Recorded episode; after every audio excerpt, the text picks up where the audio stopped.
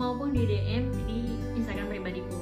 Nah, pertanyaannya ya itu boleh nggak sih ngambil dua kuliah sekaligus tapi nih buat kuliah S1 jawabannya adalah boleh banget. Jadi nggak ada larangan kamu nggak boleh ngambil dua kuliah.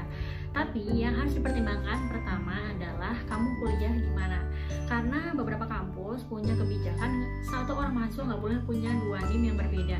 Sebagai contoh nih misalnya kamu kuliah di jurusan teknologi hasil pertanian terus udah itu kamu juga pengen kuliah di kedokteran.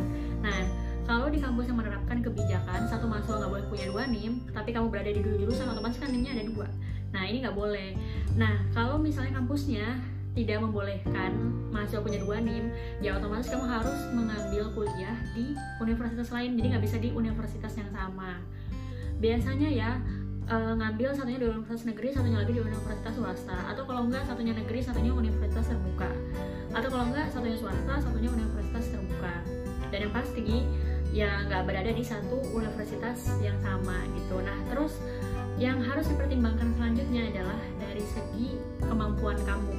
Bukan masalah kamu eh, nggak uh, bisa bisa atau nggak bisa.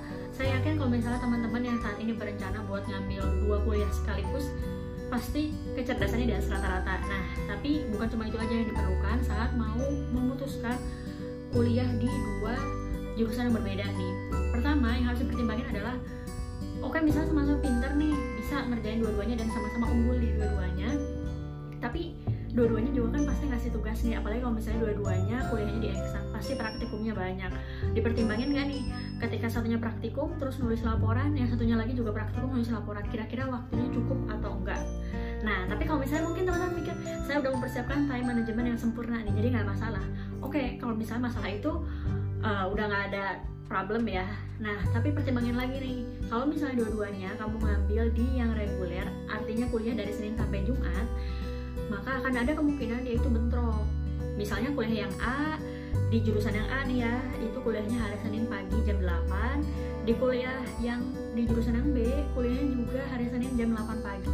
Apalagi kalau misalnya sekarang kuliahnya online ya tambah sangat mungkin buat bentrok. Nah itu dipertimbangkan juga. Kira-kira bisa nggak ya untuk menyesuaikan? Kalau misalnya pas kebetulan bentrok pasti kan harus bolos di salah satunya. Nah ini gimana nih? Kalau misalnya udah mempertimbangkan bisa megang dua-duanya ya nggak apa-apa. Silahkan lanjut untuk ngambil dua jurusan sekaligus untuk kuliah satu.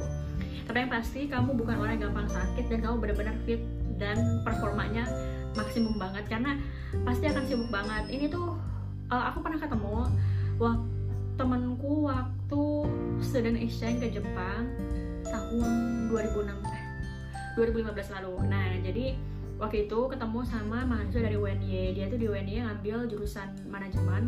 Habis itu di semester 2 dia berpikir pengen nih ngambil sastra Inggris. Akhirnya dia tes di semester selanjutnya dan akhirnya dia lanjut di semester 3 jurusan manajemen di UNY sekaligus dia juga ngambil uh, jurusan sastra Inggris tapi di kampus swasta. Saya lupa nama kampusnya apa. Dan dia kuliah bersamaan nah cuma dia juga bilang masalahnya adalah emang sibuk banget dan karena dua-duanya kuliahnya reguler jadi sangat sering adanya bentrok saat kuliah. Nah untungnya waktu itu dia punya dosen yang enak jadi dia bilang sama dosennya e, pak saya sambil kuliah juga di kampus yang lain. Jadi ya mohon dimaklumi kalau misalnya dia jarang masuk ke mata kuliahnya. Nah untungnya dosennya kayaknya peduli dan yang ngerti lah kalau misalnya kuliah di dua kampus kayak gimana. Cuma ya itu beruntung kalau misalnya dapet dosen yang ngertiin tapi kalau misalnya dosen yang nggak ngertiin ya ya udah kamu kalau nggak masuk kuliah ya udah bolos. Kalau bolos berarti nanti nggak sampai 70% atau absensi nggak sampai 80% nggak boleh ikut UTS atau nggak boleh ikut UAS. Nah tolong pertimbangan juga ini biar nanti nggak keteteran saat udah lanjut kuliahnya. Segitu aja terima kasih sudah menonton video ini sampai akhir. Kalau kamu punya pertanyaan lain bisa tanya di kolom komentar di bawah ini. Terima kasih